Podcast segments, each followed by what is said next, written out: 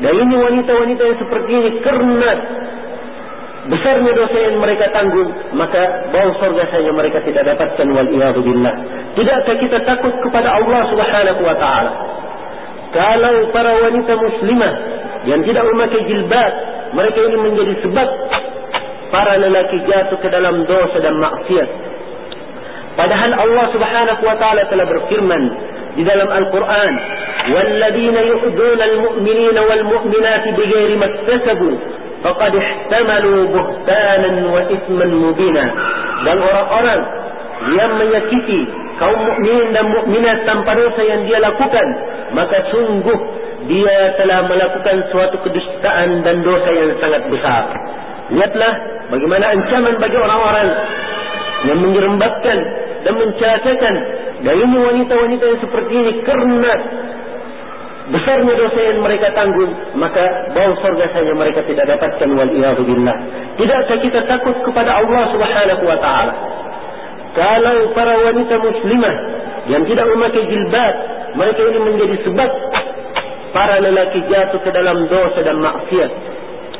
Padahal Allah Subhanahu wa taala telah berfirman di dalam Al-Quran والذين يؤذون المؤمنين والمؤمنات بغير ما اكتسبوا فقد احتملوا بهتانا وإثما مبينا dan orang-orang yang menyakiti kaum mukminin dan mukminat tanpa dosa yang dia lakukan maka sungguh dia telah melakukan suatu kedustaan dan dosa yang sangat besar lihatlah bagaimana ancaman bagi orang-orang yang menyerembatkan dan mencacakan sehingga para lelaki jatuh ke dalam perkara-perkara yang dosa. Kemudian Rasulullah sallallahu alaihi wasallam juga mengingatkan bahwasanya kewajiban ini adalah kewajiban ya bagi seluruh kaum mukminat dan atas seluruh kepala keluarga untuk mengingatkan keluarganya. Jangan sampai melihat kemungkaran, melihat istri-istrinya tidak berjilbab, kemudian melihat anak-anaknya tidak berjilbab, tidak menutup auratnya, maka hendaknya dia merasa takut kepada Allah Subhanahu wa taala. Yang Rasulullah sallallahu alaihi wasallam mengingatkan di dalam hadis Abdullah bin Umar yang diriwayatkan oleh Imam Al-Bukhari dan Imam Muslim, beliau katakan, "Kullukum ra'in wa kullukum mas'ulatun an ra'iyati." Setiap dari kalian adalah pemimpin dan setiap dari kalian adalah dimintai pertanggungjawaban akan kepemimpinannya. Farrajul ra'in mas'ul farrajul ra'in fi baiti wa huwa mas'ulun an ra'iyati. Seorang lelaki adalah pemimpin di rumahnya dan dia akan dimintai pertanggungjawaban akan kepemimpinannya. Dan demikian pula seorang wanita adalah seorang pemimpin di rumah tangganya mengurus anak-anaknya maka akan dimintai pertanggungjawaban akan kepemimpinannya. Wa kullukum ra'in wa kullukum mas'ulun an ra'iyati. Maka setiap dari kalian adalah pemimpin dan akan dimintai pertanggungjawaban akan kepemimpinannya. Dan Rasulullah dan Allah Subhanahu wa taala telah berfirman, "Ya ayyuhalladzina amanu qu anfusakum wa ahlikum nara." Wahai orang-orang yang beriman, jagalah diri-diri kalian dan keluarga kalian dari api neraka. Karena itulah hendaknya setiap dari kita mempunyai tanggung jawab kalau kita melihat saudara-saudara perempuan kita tidak berjilbab atau kita melihat anak-anak kita tidak berjilbab atau keluarga kita tidak berjilbab maka kewajiban atas kita bersama untuk mengingatkan mereka akan perintah Allah Subhanahu wa taala. Akan mengingatkan mereka dengan perintah syariat sehingga kita jangan jatuh ke dalam larangan. Kita jatuh ke dalam suatu perkara yang Rasulullah sallallahu alaihi wasallam mengancamnya di dalam hadis Abdullah bin Umar yang disahihkan oleh Syekh Al-Albani dalam silsilah hadis as-sahihah Rasulullah sallallahu alaihi wasallam bersabda thalathatun la ya thalathatun la yukallimuhum Allah yawm al-qiyamah ثلاثة لا يدخلون الجنة ولا ينظر الله إليهم يوم القيامة ada tiga orang tiga orang ini tidak akan masuk surga dan tiga orang ini Allah Subhanahu wa taala tidak akan melihat kepadanya pada hari kiamat yang pertama al-aqu walidain adalah orang yang durhaka kepada orang tuanya kemudian yang kedua al-mar'atul mutarajjilatu al-mutasyabbihati birrijal adalah seorang wanita yang bersisir menyerupai gaya laki-laki. Kemudian yang ketiga adalah ad-dayyud, adalah para laki-laki alladhi yuqirru fi baitihi al-khabath yang membiarkan kejelekan di rumahnya membiarkan keluarganya dalam keadaan tidak berjilbab. Dan ini adalah suatu kemungkaran dan kejelekan. Apabila dia membiarkan hal tersebut maka ditakutkan sekali dia akan masuk ke dalam hadis ini masuk ke dalam golongan ad-dayyus orang-orang yang membiarkan kemungkaran di rumahnya. Karena itulah hendaknya kita mengingatkan dan berusaha saling menasihati dengan cara yang baik. Bagaimana caranya kaum mukminat mereka bisa mengenakan jilbab dan kembali memperlihatkan mengizharkan syiar Islam mengagungkan Islam dan memperkecil kejelekan yang ditimbulkan karena ini. Dan perlu kita ingat bersama bahwasanya para wanita ini mempunyai perhatian yang sangat besar sekali dalam Islam. Karena itulah perintah syariat supaya para wanita ini untuk menjaga dirinya dan menjaga kehormatannya. Dan mereka berhijab, berjilbab, menjaga aurat mereka dari pandangan lelaki sebab wanita sebagaimana yang disabdakan oleh Rasulullah sallallahu alaihi wasallam dalam hadis yang diriwayatkan oleh Imam Muslim dari hadis Zaid bin Sa'd dari Zaid dari hadis Usama bin Zaid. Kata beliau ma taraktu ba'di fitnatan adarru 'ala ar-rijal min an-nisa tidaklah saya meninggalkan suatu fitnah setelahku yang lebih berbahaya bagi laki-laki ya yaitu apa yang lebih berbahaya bagi laki-laki kecuali apa dari fitnah perempuan tidak ada fitnah yang lebih berbahaya dari fitnah perempuan yang bisa mencelakakan para lelaki. Kemudian Rasulullah sallallahu alaihi wasallam juga bersabda di dalam hadis yang diriwayatkan oleh Imam Muslim kata beliau inna dunya halwatun khadirah wa inna Allah mustakhlifukum fiha fanadirun kaifa ta'malun. Kemudian kata kata beliau sungguhnya dunia adalah halwa ya adalah sesuatu yang manis khadirah yang sangat indah. Ya hijau. Wa inna Allah mustakhlifukum fiha. Ya. Dunia itu begitu. Kelihatannya manis dan hijau. Dan Allah Subhanahu wa taala membuat kalian di dunia ini berkuasa di dunia. Fanadirun kaifa ta'malun. Supaya Allah melihat apa yang kalian lakukan. Karena itulah fattaqud dunya takutlah kalian kepada dunia. Jangan sampai kalian lalai dengan dunia. Wattaqun nisa. Dan takutlah kalian dari fitnah wanita inna awwala fitnah bani Israel kanat fil nisa sebab sesungguhnya awal fitnah bani Israel itu adalah kepada para wanita. Adalah pada para wanita. Mengetahui hadis-hadis yang seperti ini hendaknya kita semakin takut kepada Allah Subhanahu wa taala dan semakin menjaga diri-diri kita. Jangan sampai kita menjadi sebab jangan sampai para wanita menjadi sebab orang-orang jatuh ke dalam fitnah sehingga dia terjerumus ke dalam dosa dan maksiat waliyadu billah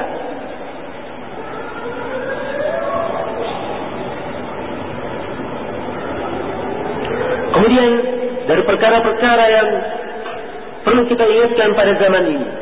Para wanita yang keluar dengan menampakkan perhiasannya, dengan berpakaian, dengan pakaian yang tidak sepantasnya, menampak, menampakkan auratnya di sana sini. Dengan tidak malunya, kemudian keluar dengan pakaian yang seperti itu. Sungguh ini adalah perkara yang sangat disayangkan. Dan sungguh ini adalah suatu perkara yang telah menjadi kebiasaan yang diambil oleh wanita-wanita mukminat dari orang-orang kafir.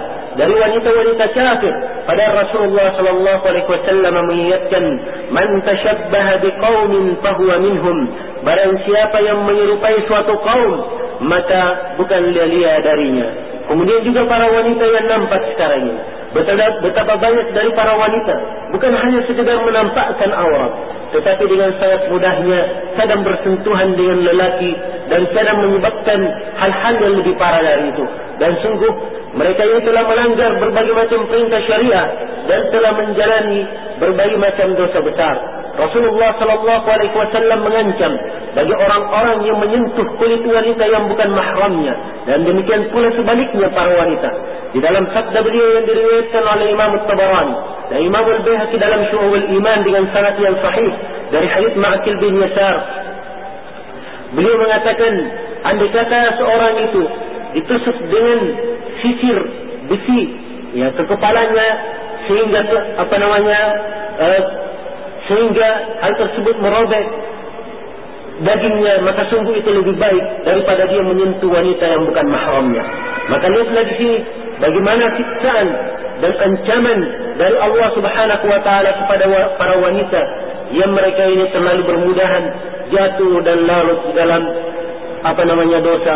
Karena itulah hendaknya setiap kita berusaha untuk menjadikan diri kita ini keluar dari orang-orang yang dikatakan oleh Rasulullah sallallahu alaihi wasallam ketika beliau berdiri di pintu neraka dan melihat ke dalamnya raaitu aktsara ahliha an-nisa. Saya melihat kebanyakan dari penghuni neraka itu adalah para wanita. Karena itulah para hadirin yang dimuliakan oleh Allah Subhanahu wa taala hendaknya kita saling tolong menolong dan mengingat dan ingat mengingatkan jangan sampai Allah Subhanahu wa taala menurunkan musibahnya dan malapetakannya kepada kita bersama kerana dosa sebagian dari kita. Nah, maka kewajiban menyampaikan ini adalah kewajiban atas kita bersama. Kemudian juga dari perkara yang mungkar ya, yang dilakukan oleh banyak di kalangan para wanita memakai wangi-wangian yang bisa menyebabkan terfitnya ter, bisa menyebabkan terjadinya ber, berbagai macam fitnah kepada para lelaki. Dan Rasulullah sallallahu alaihi wasallam telah mengancam wanita-wanita yang seperti ini.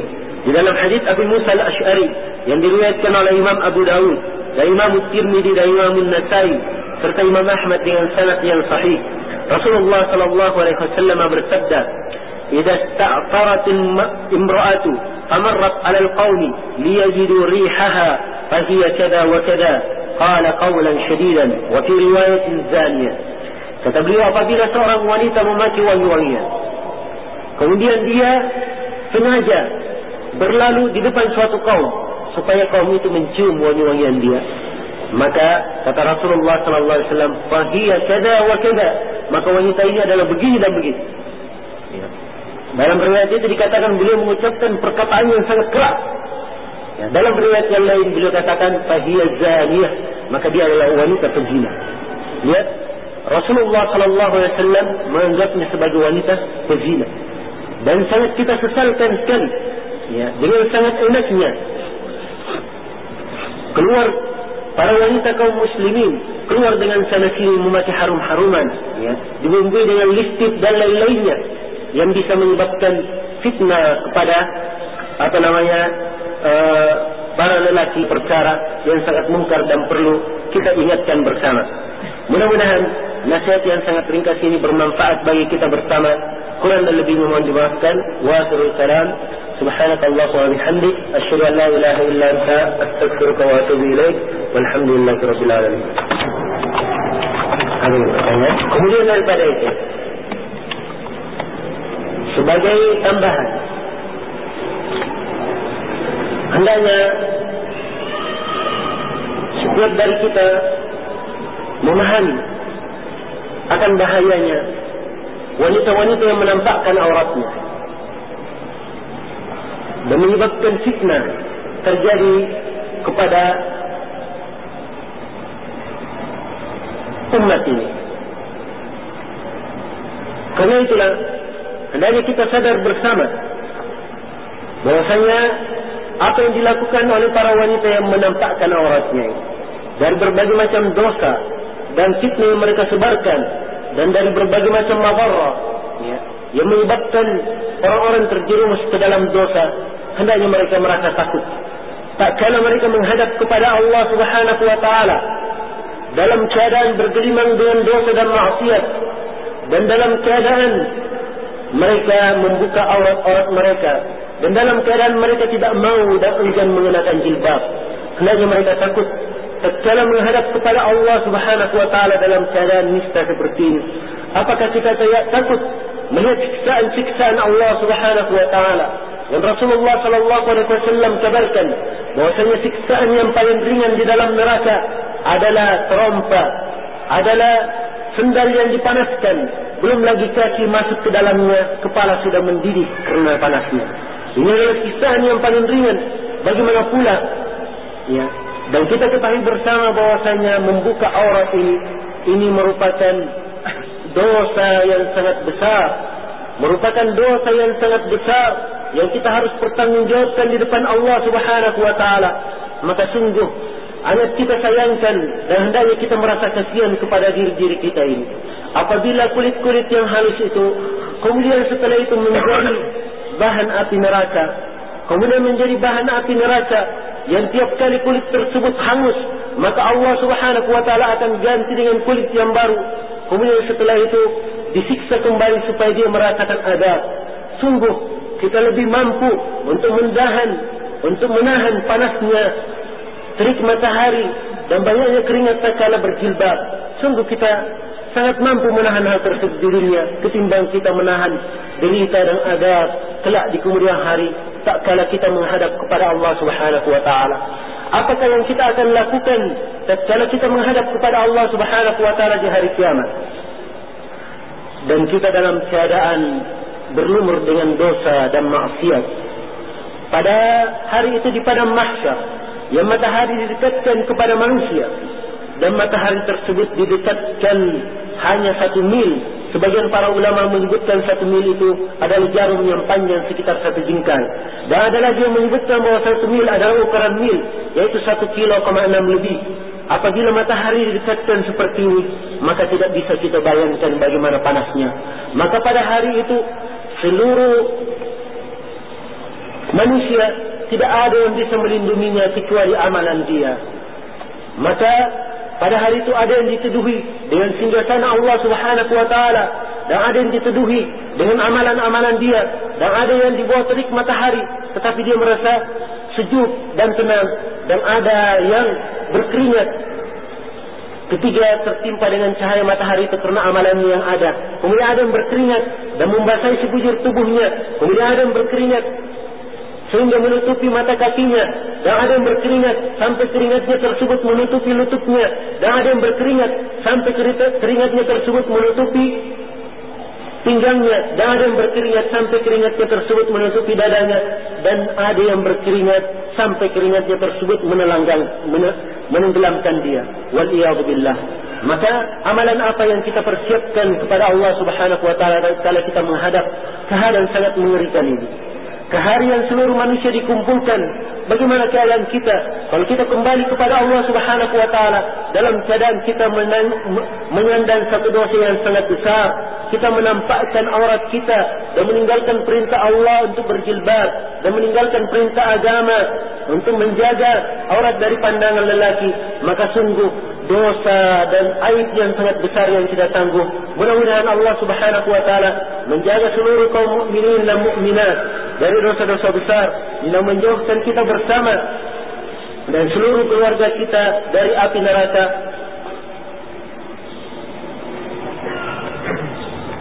Wa bihamdik asyhadu an la ilaha illa anta astaghfiruka wa atubu ilaik.